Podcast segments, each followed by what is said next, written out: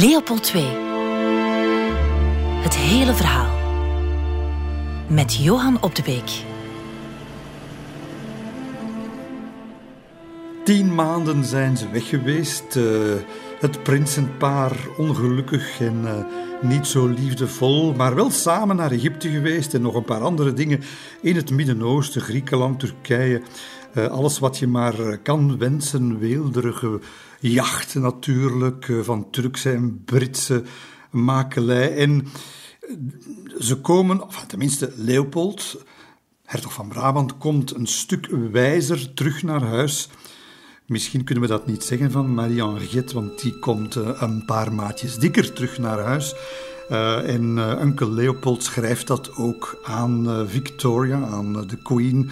Dat Leo ziet er goed uit, vindt hij, maar zijn schoondochter is excessively fat aan het worden. Hè. Ze is moddervet aan het worden, zo rond als een dobbelsteen. En waarschijnlijk ook zo ongelukkig als, maar, wat, als, als kan, want ze, ze, zijn, ja, ze zijn wel samen, maar ze zijn niet echt samen natuurlijk. En dat heeft er natuurlijk weer alles mee te maken dat uh, de jonge Leopold met zijn gedachten helemaal niet bij zijn jonge echtgenote is, maar bij de dingen die hem echt interesseren. En dat is de, ja, dat is de wereld. Hè. Dat is het, je zou, vandaag zou die bezig zijn met Mars, denk ik, en met het heelal. Maar dat kenden ze nog niet zo goed. Dus de wereld en met name internationale politiek. En dan, en dan België. België dat hij wanneer hij terugkomt van, ja, je kunt al denken, hij heeft daar in de schaduw van de farao's gestaan en hij heeft de Bosporus gezien, hij heeft Jeruzalem gezien. En dan komt hij terug onder de kerktoren en meer dan, meer dan ooit meer dan ooit vindt hij het allemaal kleinzielig, bekrompen. Het parlement, ja, men wint zich daar wel op over ja, het onderwijssysteem, de belastingen, allemaal belangrijk, dat is wel waar, dat herkent hij wel. Maar het, het oog voor het grootste, voor de wereld, voor de ongekende mogelijkheden die zich daar bevinden, voor het land, eh, voor, voor, voor de zakenwereld, voor de economie, wel, daar hebben ze geen oog voor. En hij, hij wint zich daar mateloos in op de kroonprins. Hij die de, de ruimste horizonten eigenlijk wil zien en daar iets mee doen.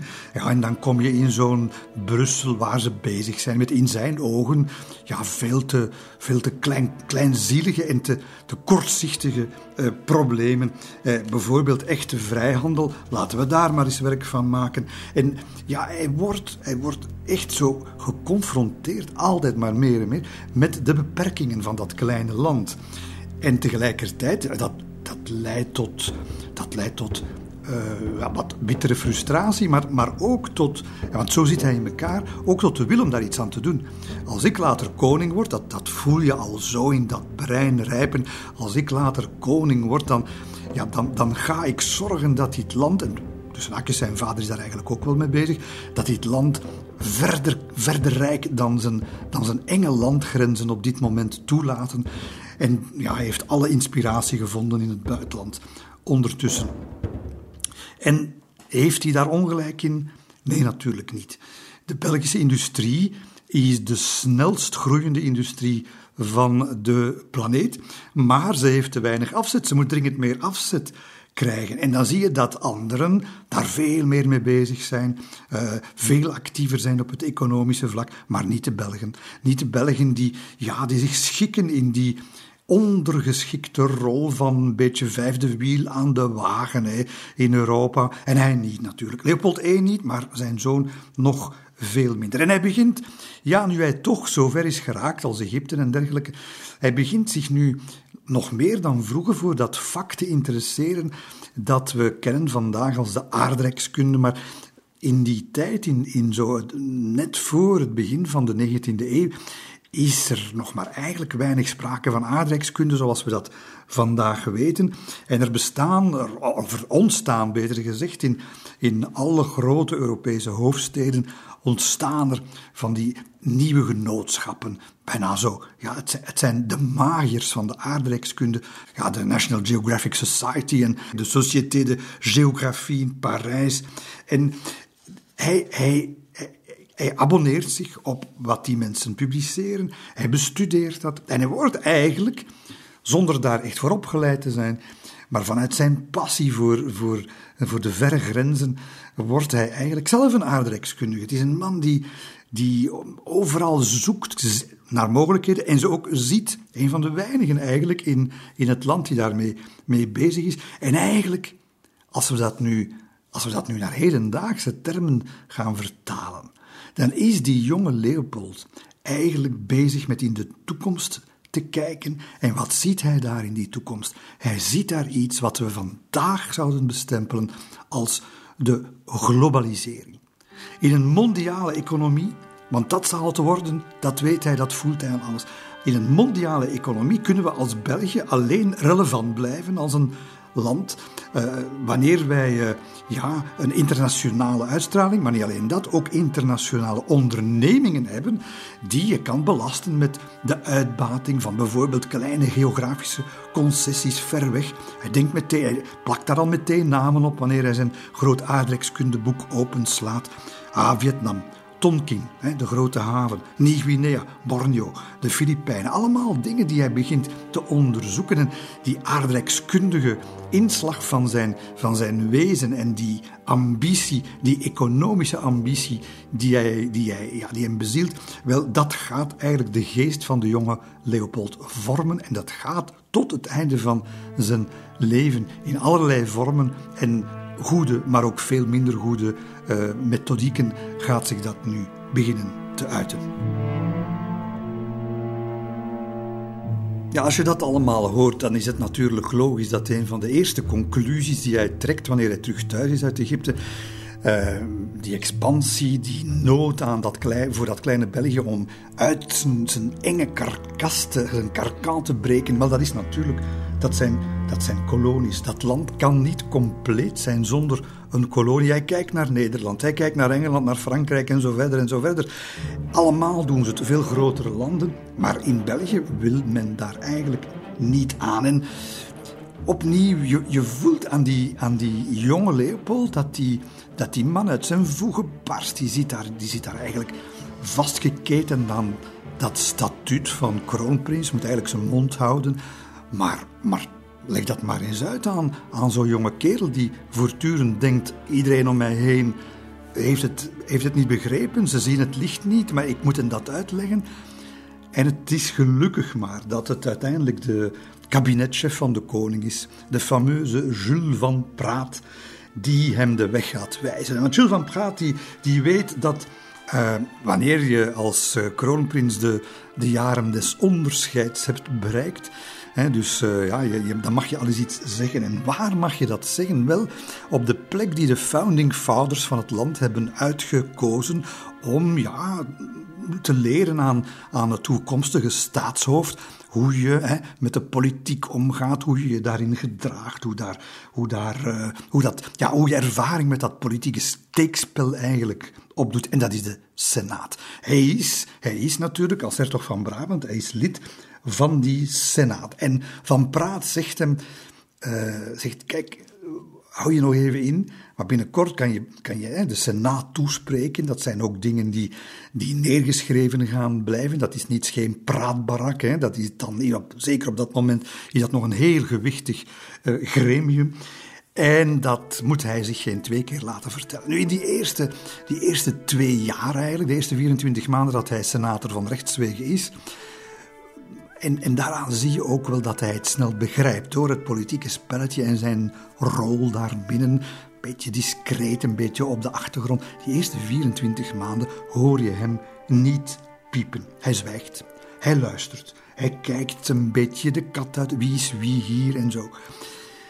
Maar dan, 29 december 1855, gaat hij voor het eerst onder, onder grote belangstelling, men kan zich dat voorstellen. Voor het eerst gaat hertog van Brabant, de troonopvolger, het woord nemen in de Senaat. Hij beklimt daar dat uh, rode plussen uh, spreekgestoelte. En die eerste toespraak is meteen raak. Hij onderhoudt de senatoren meteen over dat wat hem bezighoudt. Hè.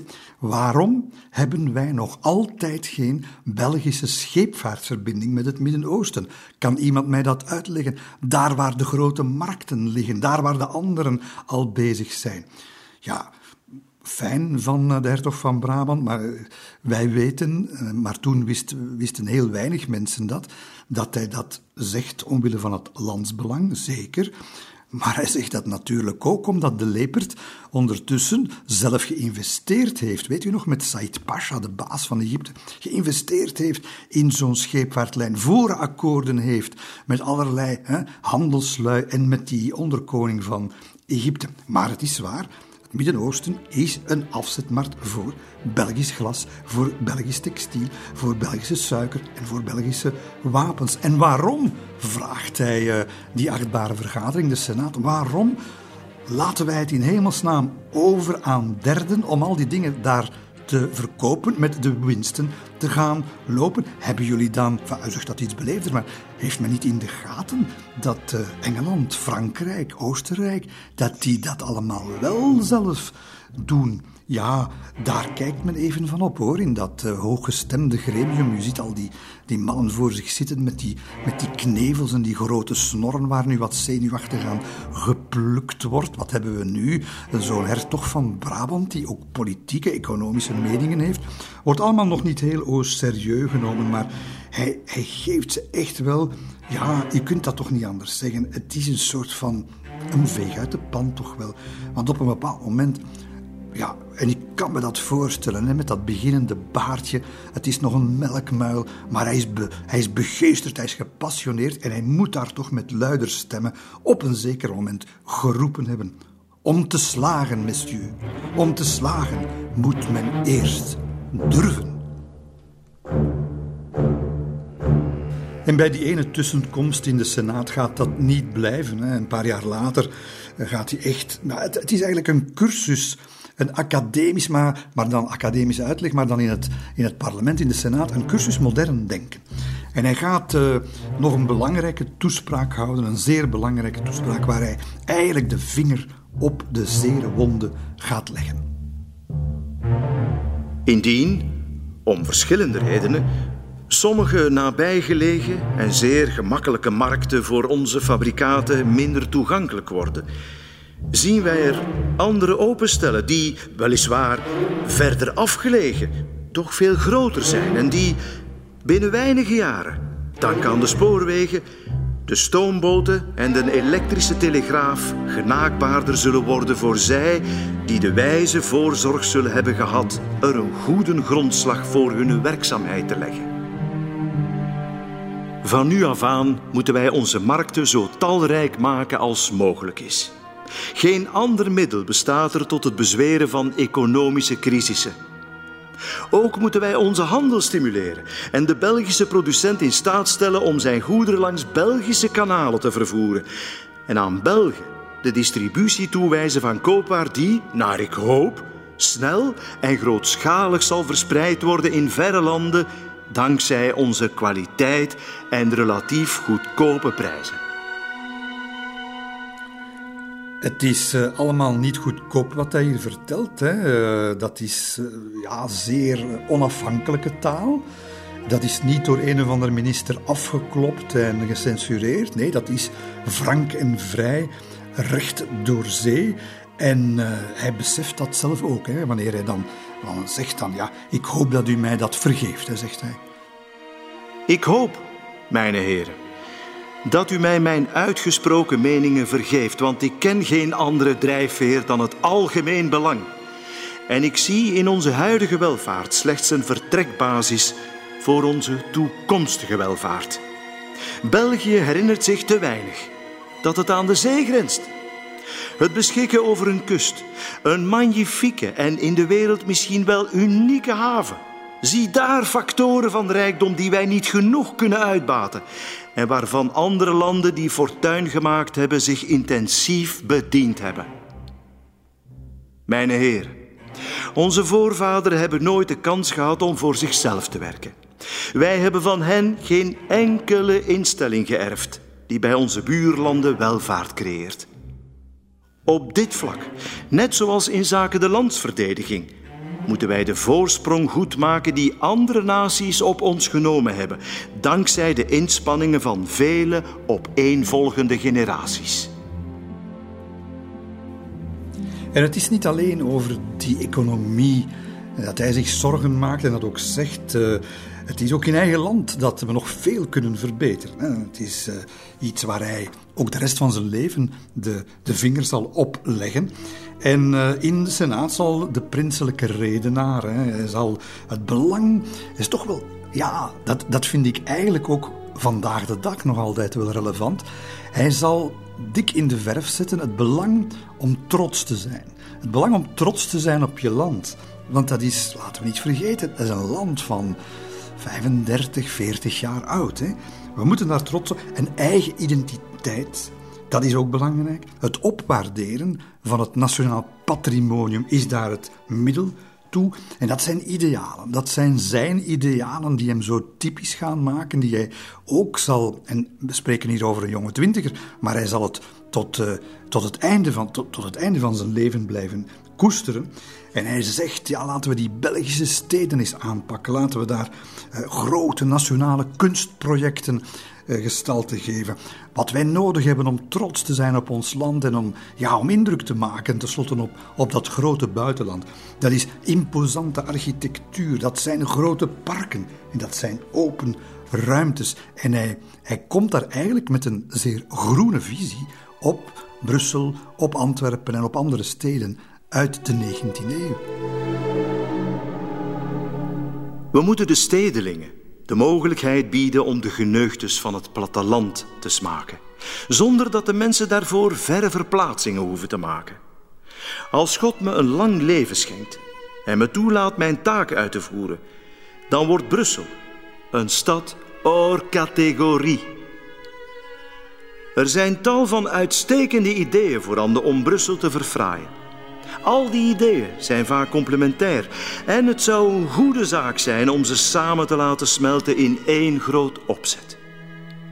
Onze projecten lijken misschien te groot en onbereikbaar, maar dat is helemaal niet zo. Dat is allemaal best haalbaar op basis van onze huidige welvaart. Zeker als we daarbij rekening houden met de nog grotere rijkdom die eraan komt. Als jullie de Belgische handel en onze industriële capaciteit kunnen opdrijven. Wat zoals u weet een van mijn diepste wensen is.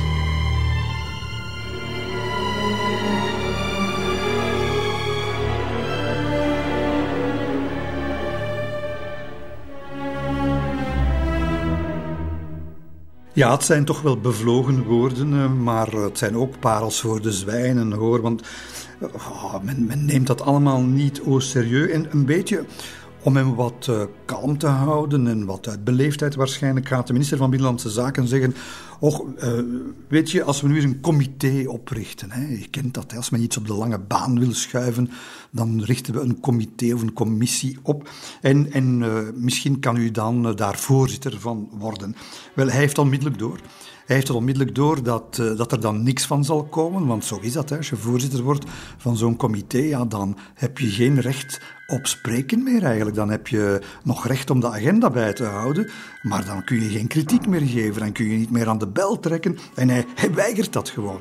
Leopold weigert om in zo'n ja, zo'n uh, uh, bureaucratisch, technocratisch karkan ingekapseld te worden. En in tegendeel, hè, hij, zegt, hij zegt dat hij dat hij uh, de uitdrukkelijke verzekering wil krijgen, dat kunnen ze niet geven natuurlijk, dat die werken waar het over zal gaan, dat die dan ook eens uitgevoerd gaan worden en dat het niet blijft bij intentieverklaringen en we moeten dit en we moeten dat. Bij hem, nee, moet dat concreet zijn. Bij hem moet daar een budget op plakken en bij hem moeten die centen uitgegeven worden.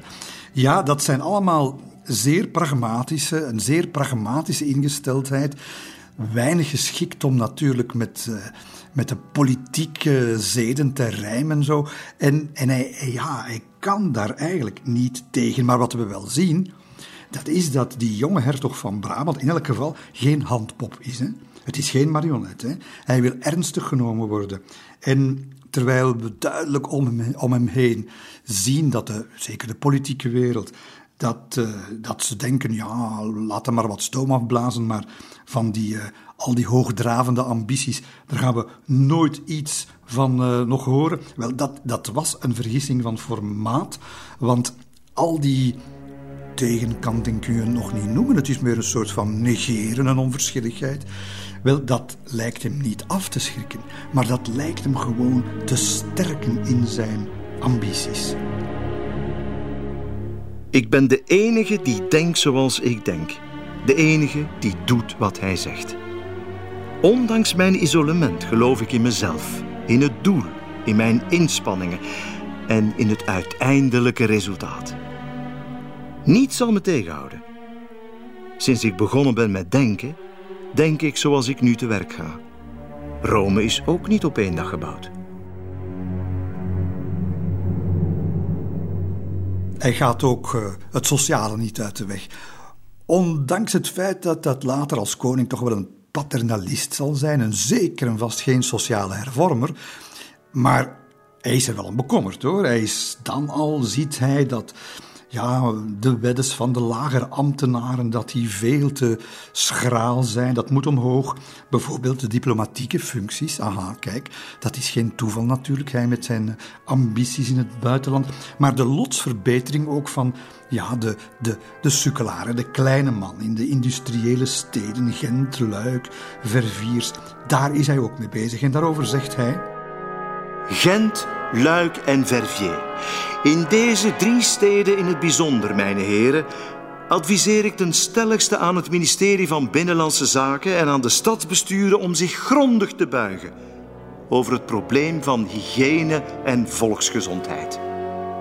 De arbeidersfamilies hebben recht op onze grote bekommernis. We moeten ons inspannen om hun behuizing te verbeteren en hun meer ruimte en zuurstof te geven. Het zal dankzij de vooruitgang van onze industriële en commerciële ontwikkeling zijn dat we de nodige middelen zullen kunnen verzamelen om ons vaderland beter te maken. Het zal dankzij de vooruitgang van onze industriële en commerciële ontwikkeling zijn dat we de nodige middelen zullen kunnen verzamelen om ons vaderland beter te maken.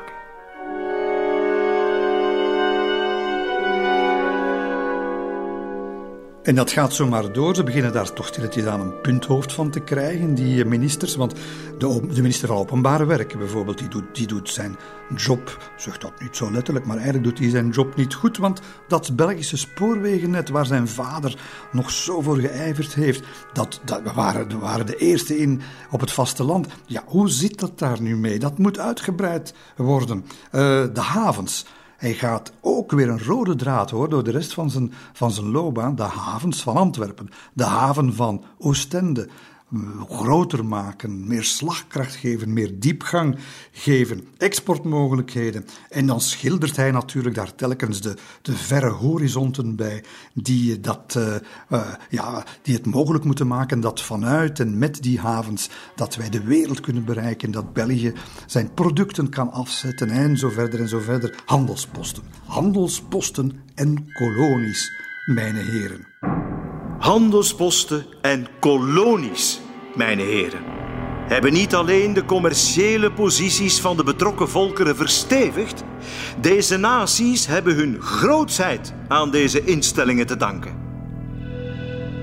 Halt, dit is misschien de brug te ver voor de jonge Leopold, want we horen hem nu een woord uitspreken dat in het België van die dagen eigenlijk taboe is. Het woord kolonie. Nee, wij willen helemaal geen kolonie. De politiek uh, wil geen kolonie. En dat heeft uh, alles te maken met het feit dat wij, uh, ja, het jonge, piepjonge België, een neutraliteitspositie moet handhaven. Ja, je zou kunnen zeggen, ben je dan niet neutraal? Wel, als je de economische belangen van de buurlanden in acht neemt, Frankrijk, Engeland, ja, die willen die kolonies hebben natuurlijk. En België heeft zich daar niet mee te moeien. Dus men, men, wil, men huivert voor dat, voor dat woord.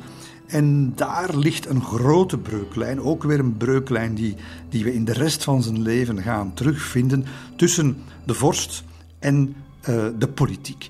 En dat begint eigenlijk al bij zijn vader hoor, want Leopold I is zelf ook helemaal die die, die mening toegedaan met minder slagkracht en met minder fanatisme misschien. Maar ook hij heeft eigenlijk al een beetje los van de regering, dat babyland waar hij de vorst van is, trachten te, te verruimen. Hè. Je bent tenslotte afgesneden van, van de buitenlandse handel sinds, uh, sinds de, de revolutie, uh, de vloot en zo verder, allemaal Nederlands. Ja, daar moeten we iets aan doen. En dus men, men, men ziet aan de ene kant in de Maasvallei, in het Luikse, staalfabrieken, kokkeril en zo verder, uit de grond reizen. Aan de andere kant zie je in Vlaanderen, in Brabant, toch wel heel moeizame groei, om niet te zeggen geen groei, maar zelfs type armoede bij de, bij de boerenbevolking. En, en, en ja, dus die, die vorst die, en de twee, de twee leeuws, die denken dat ze dat kunnen voor een stuk oplossen door overzeese expansie. Dat leidt ertoe dat men onder Leopold I een uh, Belgische kolonie gaat uh, trachten uit te bouwen in Latijns-Amerika. In Guatemala, stel u voor, in de baai van Santo Tomas, 800 Gentse gelukzoekers gaan daar iets proberen uit de grond te stampen. Dat lukt niet, ondergefinancierd, slecht georganiseerd, helemaal de dieperik in. En nog een paar van die dingen. En dat, ja, dat, leidt, dat, alles, dat alles samen leidt tot een weerzin. Een, tegenkanting tegen alles wat met kolonie te maken heeft. En dan krijg je dus die hertog van Brabant, die daar doodleuk in het belangrijkste politieke gremium, de Senaat, komt vertellen dat het land kolonies nodig heeft. Dus je kunt al denken, hè. niet doen, blijf er vanaf. Uh, wij, uh, wij gaan onze teksel op de neus halen. De grootmachten willen niet dat we mee met de knikkers spelen. Dat gaat de relaties verzuren. Uh, nijveraars trouwens, industriëlen, ook niet echt te springen hoor, om, om mee te doen aan zo'n koloniaal verhaal. Beducht, hè? het gaat te veel kosten, het gaat niks opbrengen, al die investeringen, stranded money. dus op dat moment is dat eigenlijk een, een droom die, die, die alleen leeft in het hoofd van Leopold I en, van, en, en nog veel meer van, van zijn zoon. En dus ja, wordt dat niet, het wordt niet losgelaten en dus gaat men dat op eigen houtje uh, proberen te doen.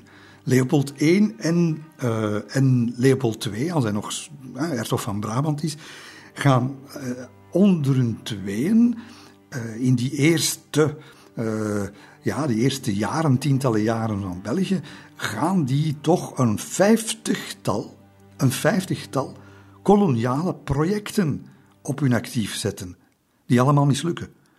Maar ze hebben het wel gedaan. Ze hebben wel die pogingen gedaan. En dan, als je daar de namenlijst bij neemt, waar ze allemaal zich mee ingelaten hebben. Uh, de Antillen, West-Afrika, uh, misschien Kreta lospeuteren van de Turkse sultan, Cuba, dat komt ook even uh, om de hoek kijken, de Faroe-eilanden, daar kunnen we ons misschien eens mee bij, de Borneo, een kolonie in Oceanië, de nieuwe hybriden. Je kunt het zo gek niet bedenken, of ze zijn ermee bezig geweest.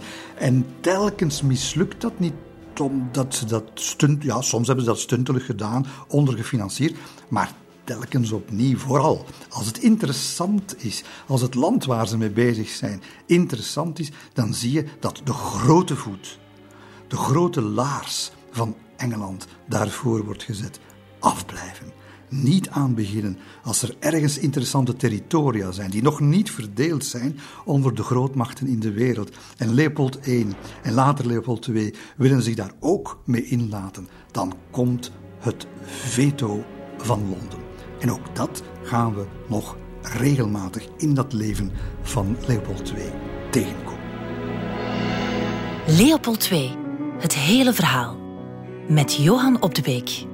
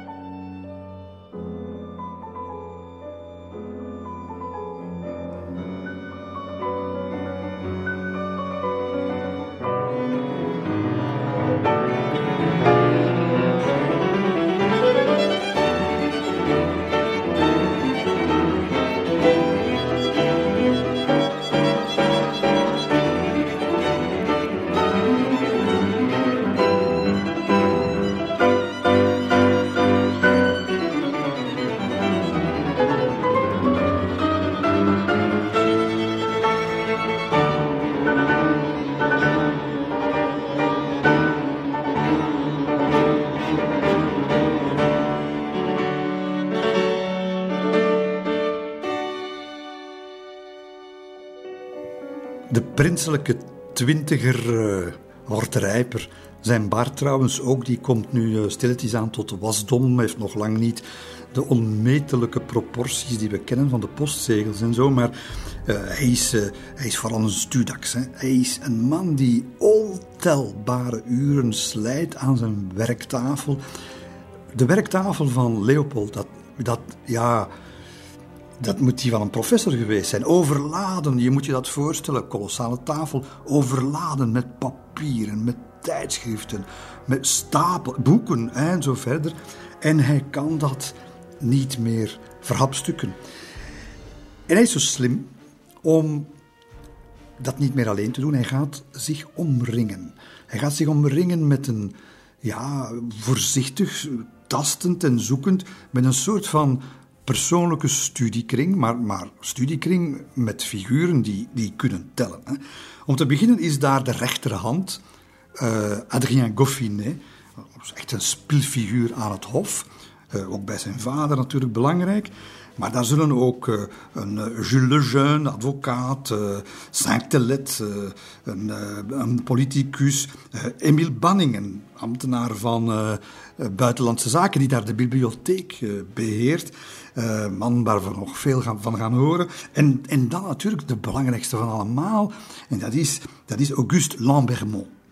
Lambermont, naam als een klok hè, in het land. En toen was dat de secretaris-generaal van Buitenlandse Zaken, baron uh, Lambermont.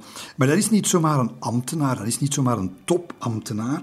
Dat is een heel slimme gast om te beginnen, maar met een enorme invloed en een enorm netwerk.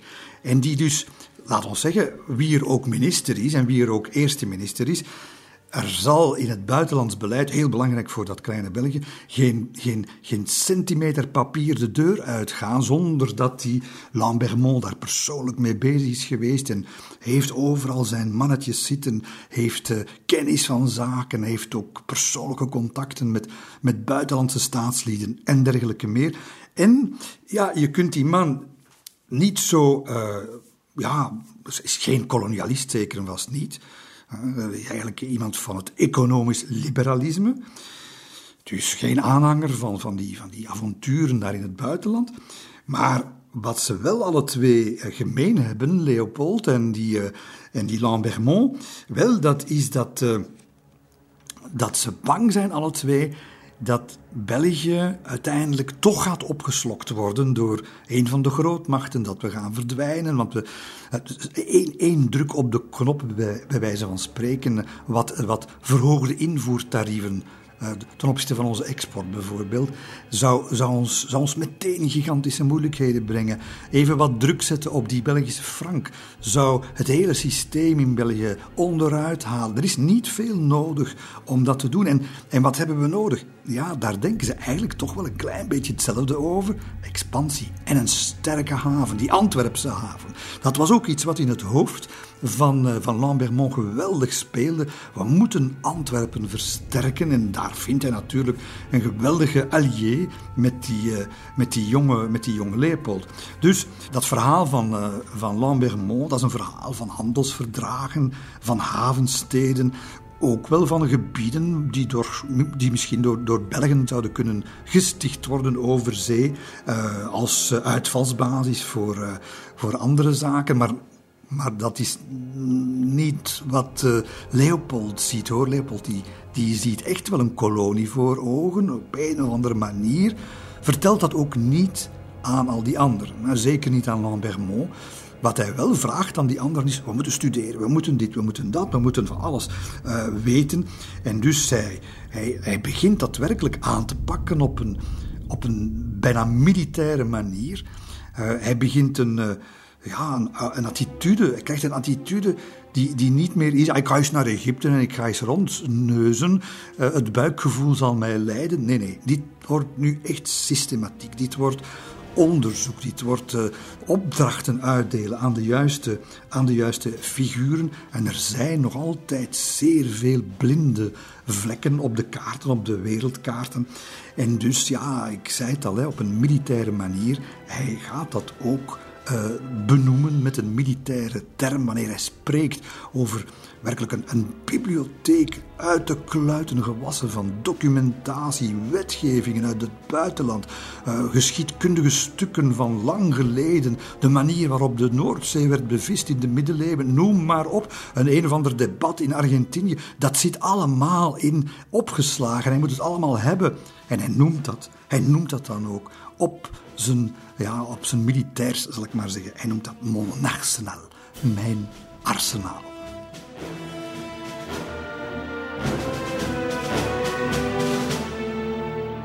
Een arsenaal is hij aan het samenstellen. Een onpeilbare collectie kaarten, tabellen, boeken, noem maar op. En wie kan er beter op een arsenaal letten en passen en beheren dan een militair natuurlijk? En wel, dat wordt eh, een van de grote strategen, zo zal blijken later, eh, die we in de 19e eeuw gehad hebben. En dat is Brialmont. Brialmont, militair, die, eh, die eigenlijk de trouwe handlanger zal worden, of de trouwe, een van de trouwe handlangers, zullen we maar zeggen, want hij had er toch wel een aantal. Die gaat hele bibliotheken aanslepen. Hè. Die gaat dat ook allemaal beheren, die gaat het allemaal lezen, triëren, zodanig dat Leopold zich alleen met de essentie kan, uh, kan bezighouden.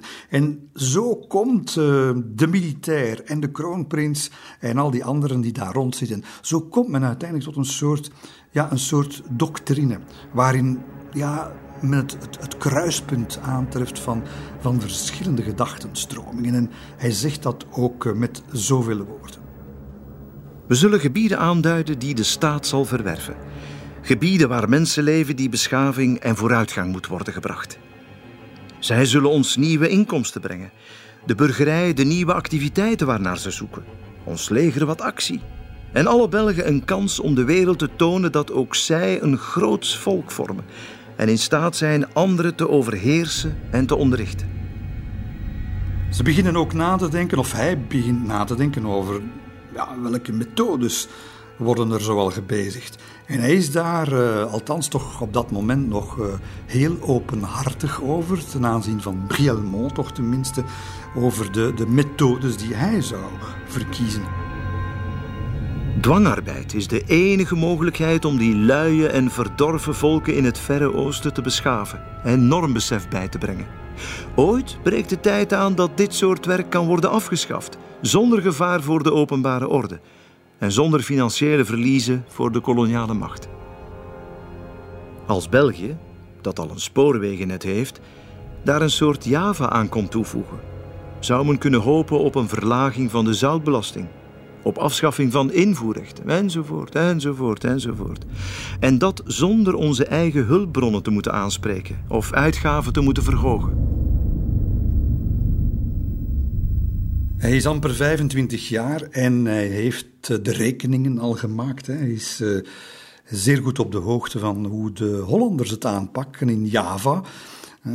Daar uh, ja, hebben ze een uitgekiend systeem van uitbating en uitbuiting, zullen we maar erbij zeggen. Denk maar aan Multatuli. en dat brengt veel geld op. En ja, als wij dat ook zouden hebben, zegt, zegt Leopold, ja, dan dan zijn al onze uitgaven voor die grote werken die we moeten doen, uh, de haven van Antwerpen, uh, de, de grote infrastructuurwerken, ja, dan is dat zo geregeld. Dan kunnen we dat op twee jaar tijd afbetalen. Dat, is, dat, dat heeft hij helemaal uitgerekend al. Dus ja, als, dat in, als ze dat in Engeland kunnen, 20, 30, 40 procent winst boeken op, op India, ja, waarom zouden wij dat ook niet kunnen? Het is, het is niet zomaar een vraag die hij zichzelf stelt hier hoor. Het is een dwanggedachte die hem in de greep krijgt. En hij, hij kan dat niet meer loslaten. Denk eens, zegt hij, denk eens aan de haven. Wat zouden we daar niet kunnen van maken als wij een provincie zouden hebben in, in China? Ja hoor, wij, uh, wij denken uh, vandaag dat hij uh, met Afrika voortdurend bezig was en Congo uiteraard. Maar zijn grote oogmerk al van op zijn 25ste is niet Afrika, is niet Latijns-Amerika, maar is, en wat een, je kunt van alles zeggen van Leopold, maar je kunt hem niet beschuldigen van kortzichtigheid. Integendeel, het is een visionair, want het land waar het vandaag over gaat als het over internationale economie gaat, China, wel, daar was hij op zijn 25e in het midden van de 19e eeuw al volop de nadruk aan het leggen. En we zullen zien in de volgende afleveringen dat het tot veel meer is gekomen dan alleen maar nadenken. Indien België, net zoals Holland, overzeese gebieden zou hebben die jaarlijks 70 miljoen frank opbrengen, dan zouden al die werken op twee jaar betaald zijn. Het leger van Nederlands-Indië, de marine, de koloniale administratie. Het zijn even zoveel prachtige mogelijkheden voor de jeugd om carrière te maken. In India heeft elke Britse familie wel één of twee kinderen wonen. Ze hebben er een bezigheid en maken er fortuin. Al die fortuinen belanden in Londen, een hoofdstad die lijkt op een echte bijenkorf, waar alle insecten zich verzamelen nadat ze de mooiste bloemen hebben leeggezogen. Een hoofdstad die tot de rijkste ter wereld behoort. Het is opnieuw in de Senaat zijn uh, ja, geliefd en, en enige platform, forum om uh, ideeën te spuien, dat hij de, de, aandacht trekt op China. En hij komt daar een redenvoering geven en de, de politici vallen echt achterover, want hij, hij heeft die toespraak, en het is een toespraak echt over Azië, waar, waar volgens hem een half miljard consumenten zitten te wachten op westerse producten. Waarom niet Belgische producten? Wel, hij heeft die toespraak zo goed voorbereid, zeg. Uh, geen van die aanwezigen weet daar iets van af, maar hij heeft kisten vol documentatie aangesleept, samen met Pierre Almond uh, in het arsenaal. Hij heeft alle investeringsmogelijkheden in het Verre Oosten heeft hij allemaal in kaart gebracht en hij zet dat daar neer in, uh, in de Senaat en hij zegt tegen de, de senatoren Heren, dit zijn onweerlegbare feiten. Hè, met de kalmte van een man die weet dat hij goede kaarten in handen heeft. Senaat, nog politiek op dat moment uh, weer, weer minst geïnteresseerd. Maar Leopold geeft niet af. En het zal toch maar gebeuren dat even later, in 1859, Frankrijk en het Verenigd Koninkrijk samen een expeditie op het getouw zetten naar China. Het is oorlog. Het is de Tweede Opiumoorlog. We gaan daar niet te diep op in. Uh, maar uh, militaire expeditie vertrekt uh, om daar de Chinezen een lesje te leren. En, en wat denkt Leopold? Wel, wij moeten daarbij zijn. Wij moeten daarbij. En wij moeten daar zelf ook soldaten naartoe sturen. Hij is eigenlijk amper nog, hij is nog geen 25, als hij um, onmiddellijk met Chazal, de minister van Oorlog, liberaal politicus, overleg gaat plegen. Als wij nu ook eens een militaire expeditie naar China sturen, eh, ja, dat is allemaal niet zo simpel, zegt, uh, zegt Chazal, maar hij heeft, hij heeft een uitleg klaar. En hij gaat op overleg met een geloofsgenoot, zullen we maar zeggen, de minister van Oorlog, Chazal. En hij zegt het volgende. Men beweert dat China niets te bieden heeft aan de Europese honger. Ons ware doel ligt in de periferie van China. In de Indische archipel, in Latijns-Amerika, Guatemala. Daar liggen de gebieden of eilanden die we werkelijk moeten zien binnen te halen. Dat China zogenaamd arm is, hoeft ons niet tegen te houden. De waarheid is dat China onze eerste stap is, ons voorgewende doel, het motief om ons daarheen te laten vervoeren door een van de grootmachten. Maar als de klus daar eenmaal geklaard is en we vast zouden stellen dat de opbrengsten tegenvallen, wie zal ons nadien beletten om veel grotere doelen na te streven? Als we erin slagen om 4500 Belgen in Peking te krijgen, moet men al een domoor zijn om vervolgens geen voordeel te behalen uit die strategische positie. En, met de hulp van bondgenoten, zullen we erin slagen om ons profijt in alle richtingen te zoeken. Ja, het zijn weer woorden die uh, geen blijk geven van een tekort aan ambitie en aan doelstellingen. België aan China koppelen zal trouwens de rest van zijn leven rode draad worden bij Leopold. Maar ja, hij moet toch wel een dik vel gehad hebben hoor, want ook hier weer lik op stuk. Hè. De Fransen die luisteren zo eens beleefd en die zeggen dan, maar dat is nu werkelijk iemand met een kluitje in het riet sturen, want ze zeggen er is geen plaats meer op onze schepen om Belgische soldaten mee te nemen. En de Engelsen die, ja, die zeggen regelrecht waar het op staat die laten weten aan een of andere minister van, zeg, dat, is u, dat zijn uw zaken daar niet, hè, in China. Wat, wat verbeeldt men zich eigenlijk daar in Brussel om, daar, uh, om, die, om zich daar te gaan mee bemoeien? Maar hij, uh, hij houdt niet af. Hè. De hertog van Brabant, uh, ondanks, ja, het wordt, wordt niks, hè, natuurlijk, het wordt niks. Maar hij zegt, ik zal mijn werk voortzetten. Hè. Ik besef, zegt hij, dat, ja, ik, ik besef dat er, dat er eerst nog een diplomatiek pad moet worden geëffend. Maar wacht maar, als we dat voor elkaar hebben, dan, dan gaan we slagen. Dus voor het ogenblik niet te veel praten over Belgische expeditie naar China en dergelijke meer. Nee, we gaan dat uh, laten slapen, dat verhaal. Het is een tegenvaller, maar hij legt zich daar niet bij neer. Ik zal mijn werk voortzetten. Maar ik besef dat er eerst een diplomatiek pad moet worden. Zodra we dat gedaan hebben, wacht ons een goede kans op slagen. Voor het ogenblik dienen we de woorden Belgische expeditie naar China echter onder geen beding nog te gebruiken.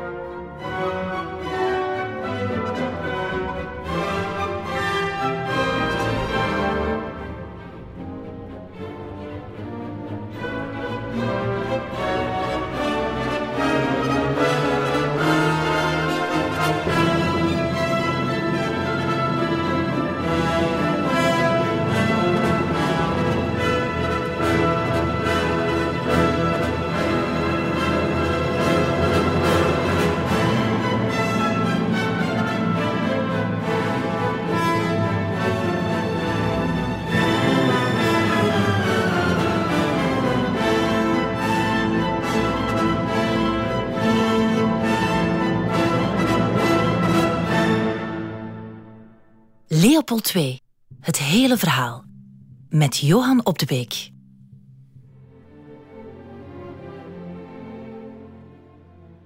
We zouden het niet uh, verwachten in het uh, huwelijk van de hertog van Brabant, maar ja, uh, uiteindelijk gaat daar toch iets gebeuren wat erop wijst dat, weet u nog, die lessen seksuele opvoeding van Albert en Victoria, die ze gekregen hebben, wel, op 18 februari 1858 zal Marie-Henriette een kindje ter wereld brengen, een meisje, Louise. Louise heeft meteen recht op een uh, fameuze uitspraak van haar papa, want die zegt: Haar neus is een kolos, de mijne evenwaardig. Ja, dat, dat, is een van zijn meer prozaïsche commentaren. Uh, dus ja, kan niet anders dat hij toch moet gedacht hebben aan die Uncle Bertie, dus de echtgenoot van Queen Victoria. Want weet u nog, Uncle Bertie heeft hem meegenomen uh, naar de Oorden van Plezier, waar hij uh, een en ander heeft opgestoken. Misschien dat hij anders de geslachtsstaat uh, niet eens voor elkaar had gekregen, we weten het niet. Het is speculatie, uiteraard. Maar in elk geval gaat hij hem wel een briefje schrijven om, om hem te bedanken. uw wijze en praktische raad heeft zijn vruchten afgeworpen. Dat zegt hij aan Albert. Ja, dan, dan staat het, is het toch niet verboden om te denken dat het hier werkelijk gaat over het feit dat uh, de koninklijke gemaal daar in uh, Buckingham Palace eens goed heeft uitgelegd hoe uh, de roede in de schede wordt gebracht, nietwaar? Nu, waar, waar Leopold minder vreugde aan beleeft, is aan dat kindje zelf. Enfin, het is overdreven om te zeggen dat hij ze niet graag zag op dat moment, maar wat hij in elk geval niet zo leuk vindt, is toch wel een lichte ontgoocheling waar hij blijk van geeft trouwens, in brieven, dat het maar een meisje is. De Belgische grondwet staat op dat moment alleen mannen toe op eh, de troon. En ja, oh, dank aan de, aan de Heer dat, uh, dat ze een kind hebben, fantastisch. Maar hij had toch wel liever een zoon gehad. Dat schrijft ergens in een van de, de brieven. Dus baby Louise, vrolijk snoetje, maar de dynastie, dat, dat zal ze niet verzekeren. Daar is hij eigenlijk vooral mee bezig. En ja, aan dat aan dat uh, geëmmer komt gelukkig een jaar later een, uh, een, een, einde. Want in juni 59 wordt dan toch een zoon geboren. Ook die uh, krijgt meteen commentaar van, van zijn vader, want die vindt het eigenlijk maar een groot en dik kind. Ik hoop dat hij ooit op zijn grootvader zal lijken, maar we kunnen hem op dit moment toch niet echt een mooi, een mooi jongetje noemen. Dat meldt hij aan de koningin van Pruisen, onze hertog van Brabant. Je kunt dus al een beetje beginnen vermoeden dat daar wel een jong gezin wordt gesticht, maar of het daar uh, ja, uh, vrolijke kerstfeestjes zijn en dergelijke, dat is nog maar de vraag met zo'n papa, met zo'n pater familias. En dat jongetje, dat wordt de troonopvolger, hè, die gaan we Elias noemen, want dat is een bijnaam die, hij, die hij kreeg. En die Elias ja, die, ja, wordt vooral opgemerkt uh, door zijn uh, vriendschap met een Shetland-pony, maar zeker niet omwille van het kinderlijke geluk dat hij in de armen van, van Leopold beleeft. Integendeel zelfs, wanneer uh, Marie-Henriette zwanger was van, van dat kind, dan moet de koning, Leopold I, moet aan zijn zoon eigenlijk, uh, hij moet hem vermanen, hij moet hem bevelen om naar huis terug te keren, stel u voor, wanneer ze bijna gaat bevallen, want hij is weer op reis. Hij kan het niet laten, hij moet altijd weg zijn, hij moet altijd de wereld gaan verkennen.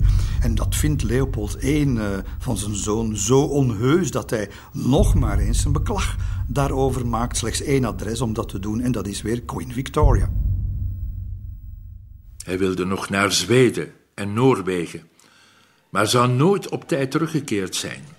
Het had ook een slechte indruk gemaakt indien hij Marie en de kleine Louise en l'air liet, zo kort voor de bevalling. Het volk is altijd tuk op schandaaltjes. Er wordt ook verteld dat ze ruzie gemaakt hebben voor zijn vertrek en dat hij Marie in woede heeft achtergelaten.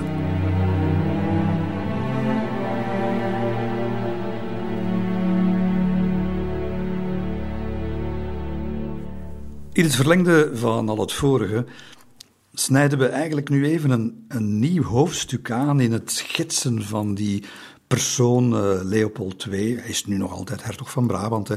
En dat is, dat is zijn neus voor communicatie. Dat is zijn, zijn, zijn wetenschap dat je, dat je wel iets kan vinden, dat je wel gelijk kan hebben eventueel, maar als je dat niet goed verkocht krijgt aan de publieke opinie, aan de pers, aan, aan de, ja, de powers that be, ja, dan ben je niks met je gelijk.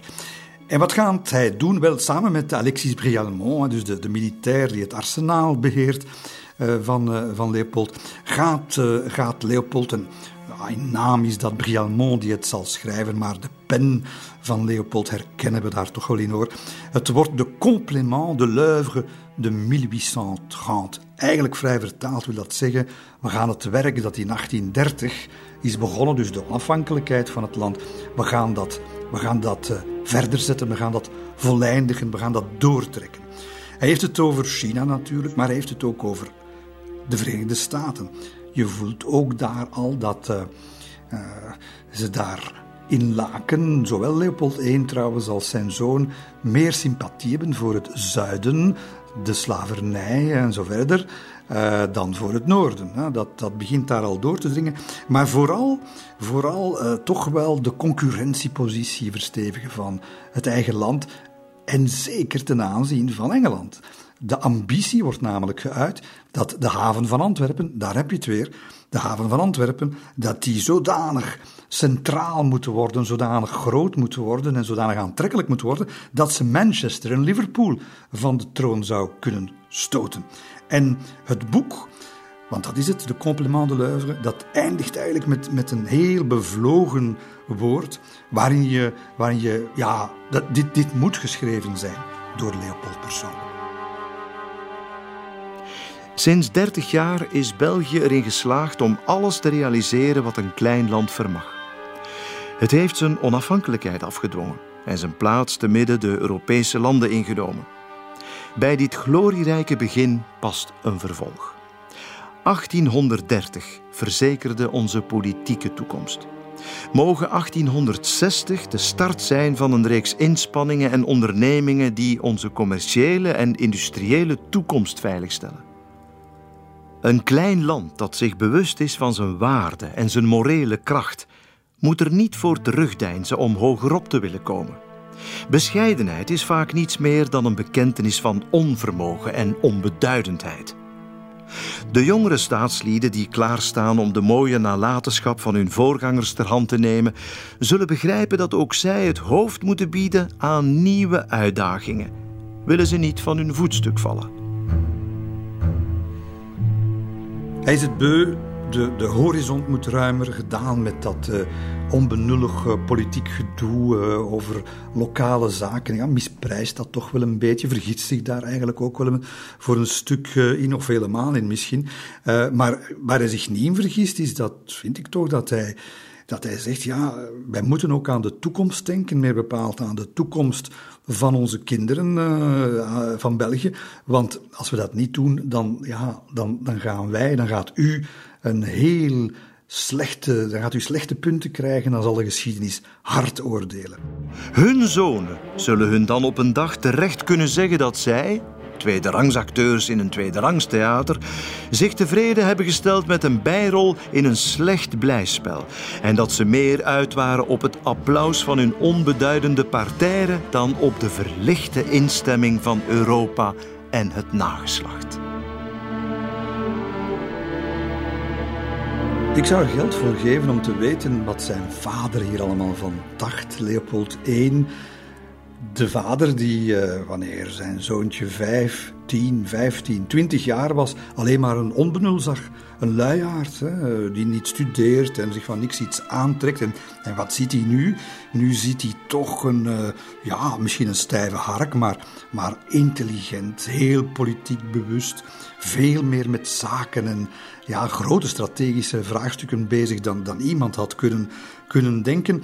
Ja, we kunnen alleen maar zeggen dat de founding fathers van België het bij het rechte eind hebben gehad. Hè, door die eh, Senaat voor te bestemmen als de plek waar de toekomstige koning van België kan, kan rijpen, waar hij zijn politieke ideeën kan aftoetsen aan de politieke werkelijkheid. Want dat heeft hij nu gedaan, hè, de, de jonge hertog van Brabant. En wat heeft Leopold I daarvan gedacht allemaal?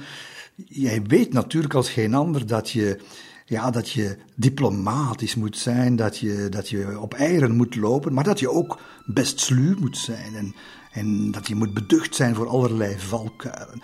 Wel, wat hij er eigenlijk van vond, weten we toch wel een klein beetje, want hij zegt op een zeker ogenblik aan een van zijn uh, vrienden, het is een politicus, uh, minister van de Perenboom, zegt hij over zijn zoon van, dit is toch wel een, een lepe kerel.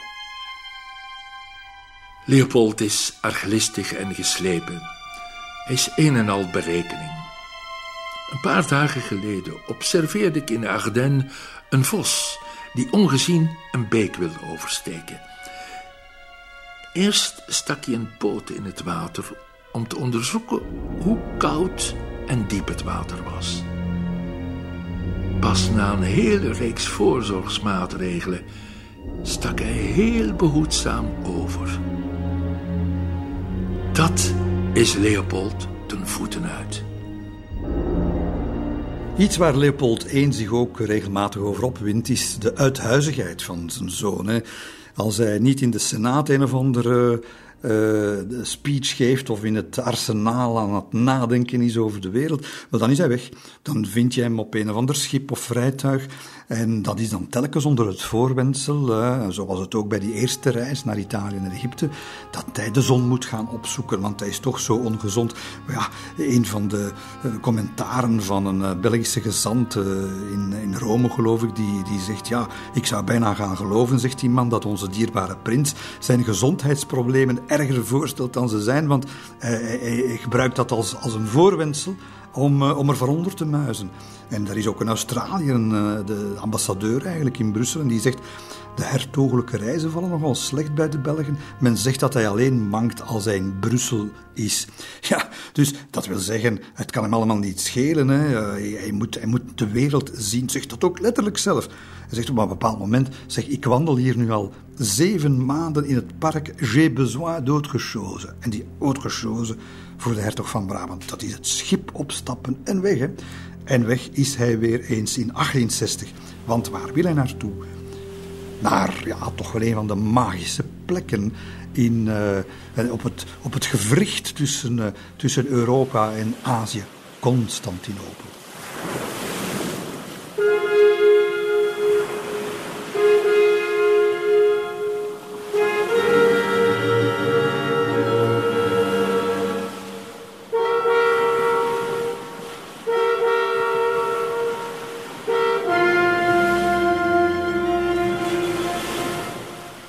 Het is niet met een mankend been en uh, met hoestbuien alom dat uh, de jonge troonopvolger zijn opwachting maakt daar uh, in het Ottomaanse Rijk. Nee, hij is in en plein vorm, moeten we zeggen.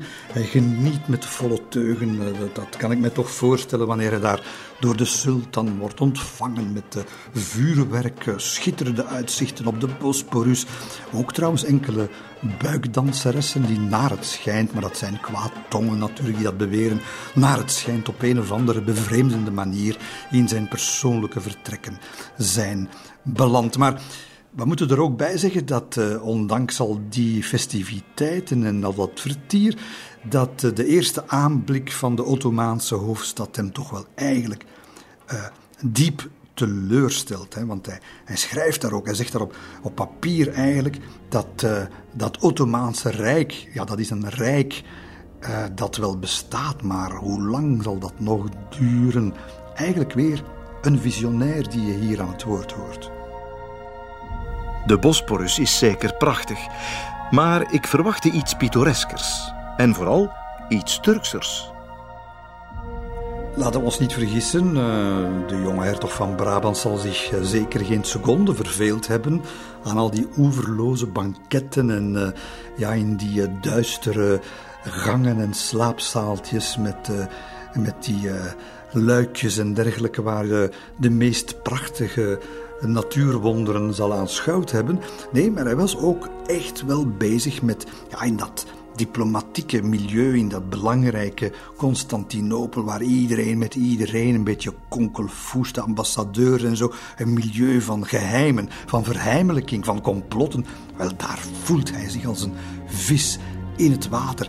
En hij leert daar ook van zijn gesprekken met de ambassadeurs dat, uh, ja, hoe, hoe je eigenlijk zo'n een derde wereldmacht, moeten we dat uh, misschien met uh, hedendaagse termen zeggen, dat uh, Ottomaanse Rijk op dat moment, hoe, je dat, hoe het Westen dat bespeelt, hoe ze die sultan manipuleren, hoe ze eigenlijk al de, de belangen van de sultan dienen, maar tegelijkertijd en vooral eigenlijk hun eigen belangen dienen. En hij schetst dat beeld van die van die, van die sultans, van die Ottomanen, die eigenlijk handpoppen zijn. Hij schetst dat op een, op een manier. Turkije. Het blijft recht, want het is te zwak om te bewegen en over de kop te gaan. Het leger is mooi, maar de soldaten krijgen geen soldij. Het volk fanatiek. De administratie rot, blind, futloos. De sultan een soort van idioot. Weldra zal het koud vuur de ledematen aantasten en zullen Servië, Montenegro, Moldova-Lachije zich scheiden van de stam. En in Europa het schaamteloze gedrag van de Spaanse republieken van Midden-Amerika doen herleven. God, hoe pijnlijk is het om zo'n land in dergelijke handen te zien. Het is alsof men een mooi en fris jong meisje zou uitleveren aan leprozen. Ja, tussen de hofmeijers van Constantinopel uh, kunnen we ons al voorstellen hoe die uh, jonge Leopold daar, uh, daartussen laveert, gewikst, hoogontwikkeld. En hoe, ja, hoe slim en hoe doortrapt en zo verder hij is, tegelijkertijd zien we toch weer plotseling dat beeld opduiken dat zijn vader altijd schetste van zijn zoon. Een sloeber, hè? Een, een, een kereltje dat je niet verder kunt betrouwen dan, dan wanneer je hem ziet. Want wat gaat hij doen? Hij, ja, hij, bouwt daar werkelijk belangrijke banden op met, de, hè, daar, met, met de, de powers that be, ook met de sultan in Constantinopel. En terwijl hij al dat krediet heeft opgebouwd, gaat hij, maar gaat hij daar blunderen, maar mensen toch. Hij gaat ja, al zijn krediet op een, op een 30 seconden tijd gaat hij dat gewoon in de, in de vergeetput kieperen, wanneer hij op een dag zo plotseling gaat bedelen bij de, bij de Ottomaanse sultan om geschenkjes. Kun je dat nu voorstellen? Die kroonprins van België, die ja, toch wel ontzag wekt en zo verder, ja, die gaat, ja, hij heeft geweldige luxe natuurlijk, was niets goed genoeg, maar hij zou dat graag mee naar huis hebben. Hij zou graag een paar ges... Dus ja, daar, daar wordt daar wordt jaren later nog over gesproken. In Constantinopel moest je nu eens wat weten. Toen die prins hier was, heeft hij aan onze sultan gevraagd of hij wat kostbaarheden mee naar huis uh, mocht nemen. Hè. het mocht een bewerkt lederen zadel zijn. Het mochten ook wat uh, met diamanten ingelegde waterpijpen zijn. Allemaal goed. Ja, dat is een inhaligheid. Uh, not done natuurlijk, die hij zich daar permitteert. dat komt zelfs ter oren aan de Belgische pers. Stel voor, wat zijn vader daar weer, die moet, die moet weer eens door het, door het dak gegaan zijn, Leopold I. En alsof dat, dat allemaal nog niet uh, genoeg is, gaat ook het gerucht de ronde dat uh, stiekem als hij is, dat hij zijn gastheer, de sultan, ja, ook bestolen heeft. Want hij heeft, enfin bestolen, in zijn kamertje, of zijn kamer, zijn appartementen, lagen daar een paar met edelstenen ingelegde waterpijpen. En hij zou die in zijn reiskoffer gestopt hebben, zonder iets, iets te vragen. Uh, uh, misschien was dat een geheime wraakoefening tegen die sultan, dat verhaal met die geschenken, dat dat uitgelekt is. Maar hij, ja, of, of omdat, of misschien nog veel belangrijker, omdat de sultan niet wilde luisteren naar zijn voorstellen om uh, magazijnen en opslagplaatsen aan te leggen voor Belgische koopvaardijschepen in Constantin Constantinopel daaraan, de Bosporus.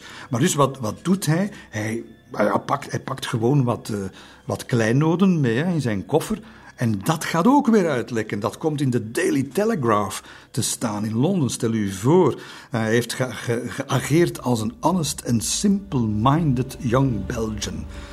Kunt u zich al de gordijnen van laken voorstellen waar op dat moment Leopold I in hangt te bengelen van woede als hij dat allemaal leest, zeg wat zijn zoon daar allemaal uitsteekt. Hij verdonkermaant een paar onnozele waterpijpen. Dus die Leopold klumt daar in zijn pen en verhit als hij is, schrijft hij een zoveelste trouwens, een zoveelste kwade brief aan zijn zoon die op reis is in de Levant. Ik ben erg bedroefd om die zaak van Constantinopel. Deze reis was je zo goed bekomen en, en je hebt daar verknoeid door een kinderachtigheid. Nu, hij gaat dat uh, zeer snel uh, goed maken wanneer hij thuis is en wanneer die uh, diefstal, zullen we zeggen, tussen aanhalingstekens, wanneer die bekend raakt. wat gaat Leopold doen? Wel, hij gaat het goed maken. Hij gaat een schitterende vaas naar Constantinopel sturen. Een zeer kostbaar iets. Ja, bedacht en ontworpen door een Brusselse edelsmid. Daar zitten daar allerlei edelstenen in. Duur, ja, zal wel duur geweest zijn, maar wat we er dan toch bij moeten vertellen, is dat Leopold dat het dan weer zo geregeld heeft dat die edelstenen op die vaas, dat die eigenlijk afkomstig zijn van de waterpijpen die uit het paleis eh, van Constantinopel heeft meegenomen. En dus daar kost, die vaas kost dan dus de helft minder dan, uh, dan ze normaal zou kosten. je, je, je moet prins Leopold zijn om zoiets te kunnen bedenken. En dus die vader die dat allemaal maar ziet gebeuren, die, uh, die, die, die houdt het niet. Hè. En die, ja, de, de ruggengraat van zijn zoon, waar is die toch naartoe? Hij maakt het weer eens duidelijk in een van zijn brieven. Hij moet zich echt gaan herpakken. Man wordt ook ouder, hè? Leopold I voelt toch ook wel dat de laatste jaren misschien wel zijn aangebroken. En waar staat die zoon van hem? Wel, we zullen het eens lezen. Neem jezelf eens ernstig onder ogenschouw. Stel je vragen over je humeur, de manier waarop je naar de wereld en de mensen kijkt, over je fouten en over de gevaren die ze ontketenen. In deze tijd bepaalt het karakter van een mens of hij invloed en gezag kan uitoefenen, veel meer dan al het verstand op aarde.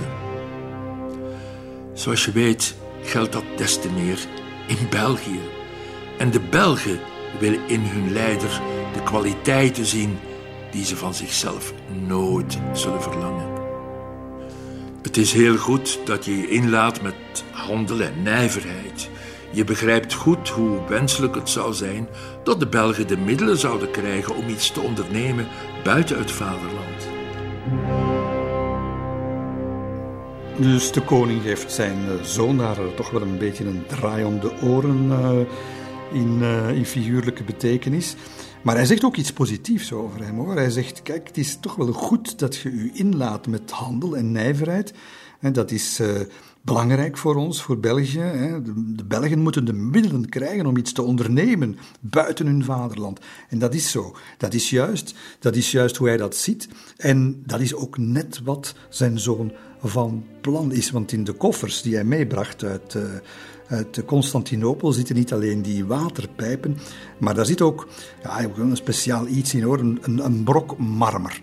Een brok marmer van de Acropolis, want hij is ook in Athene geweest op de terugkeer. En dat brok marmer dat kun je nog altijd zien liggen in het uh, museum van Tervuren, uh, omdat het geschiedenis is. Hij heeft dat opgeraapt daar ergens tussen de ruïnes in Athene. Hij laat er zijn medaillon, zijn portret in plaatsen en hij laat dat opluisteren met een opschrift. En wat zegt dat opschrift? Il faut à la Belgique une colonie en souvenir d'Athènes offert par le duc de Brabant à monsieur Frère Orban, ministre des Finances. Dus opgedragen aan Frère Orban, zwaar gewicht in de regering. En hij voegt daar ook een begeleidend schrijven toe, dus het, uh, het stuk marmer met zijn portret op, een briefje daarbij. En wat zegt hij aan Frère Orban? Waarde heer Frère, toen ik onlangs door de ruïnes van Athene wandelde, merkte ik vlak bij de oude redenaarstribune een stuk wit marmer. En ik heb het opgeraapt met de bedoeling het u bij mijn terugkeer te schenken. De presse-papier die ik u toestuur zal u, samengevat in zes woorden, een van mijn vurigste wensen in herinnering brengen. Een wens die, zoals u weet, ook de koning deelt en die ik desnoods aan mijn zoon zal nalaten. Een kolonie, het woord uh, valt nog maar eens en Walter Frey-Urban, een van de invloedrijkste ministers van België, die gaat antwoorden in, in zeer gepolijste en beleefde termen, gaat hij antwoorden dat het idee van een kolonie, dat dat pure kwatsch. Uh, nog een ander icoon van de Belgische politiek, Paul de Vaux, een van de, de mensen die België gesticht heeft, wel, die, die, die gaat eigenlijk nog een stapje verder. Die, je zou hem bijna van een soort van sarcastische opmerking kunnen toeschrijven wanneer die eigenlijk zegt van och, het is fantastisch wat u doet, hè, maar, maar u, moet toch eens, u moet toch eens goed nadenken. Eigenlijk zegt hij dat. Ik waardeer de genereuze zelfverloochening waarmee zijn hoogheid zich toelegt op projecten waarvan hij weet dat ze niet populair zijn, maar waarvan hij denkt dat ze tot nut kunnen zijn. Zijn hoogheid zal anderzijds waarderen dat anderen meer belang hechten aan de populariteit van de troonopvolger dan hij zelf. En meer belang hechten aan zijn volledige overeenstemming met de heersende opinie in het land dan aan het bezit van een kolonie waarover iedereen het eens is dat ze verre van onontbeerlijk is voor de welvaart van België. Ik verzoek u, monseigneur, mijn gevoelens van respectvolle toewijding in ontvangst te willen nemen. Paul de Vaux. Leopold II met Johan op de Beek.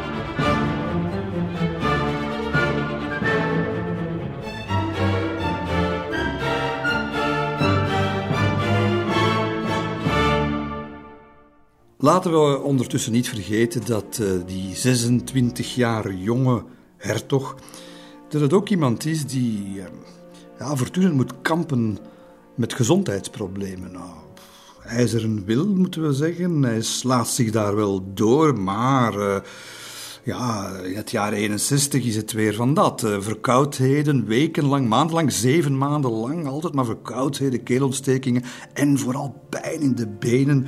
En de dokters weten het ook niet meer.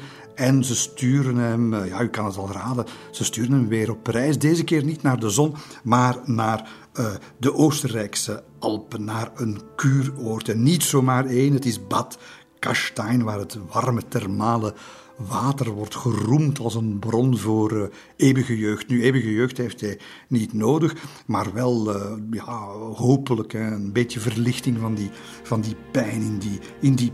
En dus in mei reist hij daar naartoe, naar Bad Gastein in uh, Salzburgerland. En ja, dan moet je langs, langs Beieren. En hij maakt een stop over in Donaustauf, want wat is er te zien in dat Beierse stadje? Het is een uh, uit de kluiten gewassen Griekse tempel, niet met de klasse van uh, de oude Grieken, wel met de Duitse Gründlichkeit, de heldenverering. Het is een orgasme van steen dat zich daar verheft boven de Donau, bedenksel van Ludwig, koning Ludwig, ik weet het wel, van de grote kastelen en de romantiek. En dat is een, ja, dat is door Duitse zegepraal behept monument, een tempel des vaderlands waar de beroemde Duitsers met honderden tegelijk in marmer en steen vereeuwigd worden. Wat een ja, wat een, eh, een begeestering voor de Duitsers, maar ook voor Leopold. Hij wil het absoluut zien. 538 treden, alstublieft, met zijn zere benen naar boven om die Duitse heldenhemel te kunnen bereiken. En hij komt daar, eh, hij komt daar eh, boven, een fantastisch zicht over de, over de wijdse Donauvlakte en dan dat geweldig monument in zijn ogen. En daar ontspruit een idee in zijn hoofd. Dat hebben wij ook nodig weet het wel, hè, die, die drang naar, naar, naar trots, naar nationale trots, is bij hem aanwezig. Ah, neergepoot in allerlei gebouwen en bouwwerken en bouwsels. En nou, dat kunnen wij toch ook, denkt hij. En, voor hem doemt al het idee op van een Walhalla op zijn Belgisch, namelijk op, de, op het heuveltje van Koekelberg met daar beneden ergens de Zenne. We zullen er later nog van horen, hè? Koekelberg. Het is ons bekend. Maar nu eerst natuurlijk naar uh, het lichamelijk herstel in Bad Gastein. Hij is daar alleen, uh, natuurlijk weer niet in, uh, in het gezelschap van zijn vrouw. Zal nog wel een paar bankiers onderweg zien, want hij heeft plannen. En hij neemt daar zijn intrek in Bad Gastein. In een villa, een mooie villa, maar met een heel toepasselijke naam. Het is de Villa Solitude. Ja, daar zit hij. Eenzaam tussen die imposante bergtoppen. En het is niet alleen zijn lichaam dat pijn leidt, maar zijn geest. Daar zit het ook niet helemaal snor. Hij ziet de wereld op dat moment toch wel een beetje in grijs tinten hoor. En hij bestempelt zich in een brief ook zoals een, ja, een, een man te midden van de kuchende, mankende, ongelukkige mensen, allemaal op zoek naar een miraculeuze genezing. Hij bestempelt zichzelf als een lid, schrijft hij, een lid van het genootschap van de 150 kreupelen van Gastein. Ja, elke ochtend opnieuw zich de afdaling naar de kelders, waar dan een waterton wacht, waarin hij tot aan zijn nek wordt ondergedompeld. Hij moet daar 39 keer in totaal naartoe, dan weer eens met een koude waterstraal. Hij noemt dat de brandweerspuit, waarin, uh, waar, hij, waar mee wordt afgespoten. Och, en het helpt allemaal geen zier, hè. het maakt hem allemaal niet vrolijker als de dokters dan zeggen, ja, moet zich niet ongerust maken, want uh, we gaan dat binnen drie, vier maanden weten of het iets geholpen heeft. Ja, zeg, ik zou daar ook niet echt uh, vrolijker van worden, van zo'n, van zo'n toestanden. Dan bovendien uitzonderlijk slecht weer. Ja, je kent dat dan. Hè. Uh, de uitleg die ze aan de toeristen geven, krijgt hij ook. Ah, dat is toch wel straf dat het nu uitgerekend slecht weer is. Het is altijd goed weer hier. Ja, maar in de Alpen kan het, kan het ook heel slecht weer zijn. Ja, hij zit daar, nat en droog, afgespoten en afgepeigerd. En hij zit daar en hij vraagt zich af: waar is mijn geliefde zon gebleven? Waar is de warmte van het Midden-Oosten, van de Oriënt gebleven? En waar zijn vooral, denk ik dat hij zich daar ook afgevraagd heeft, waar zijn de vrouwen gebleven?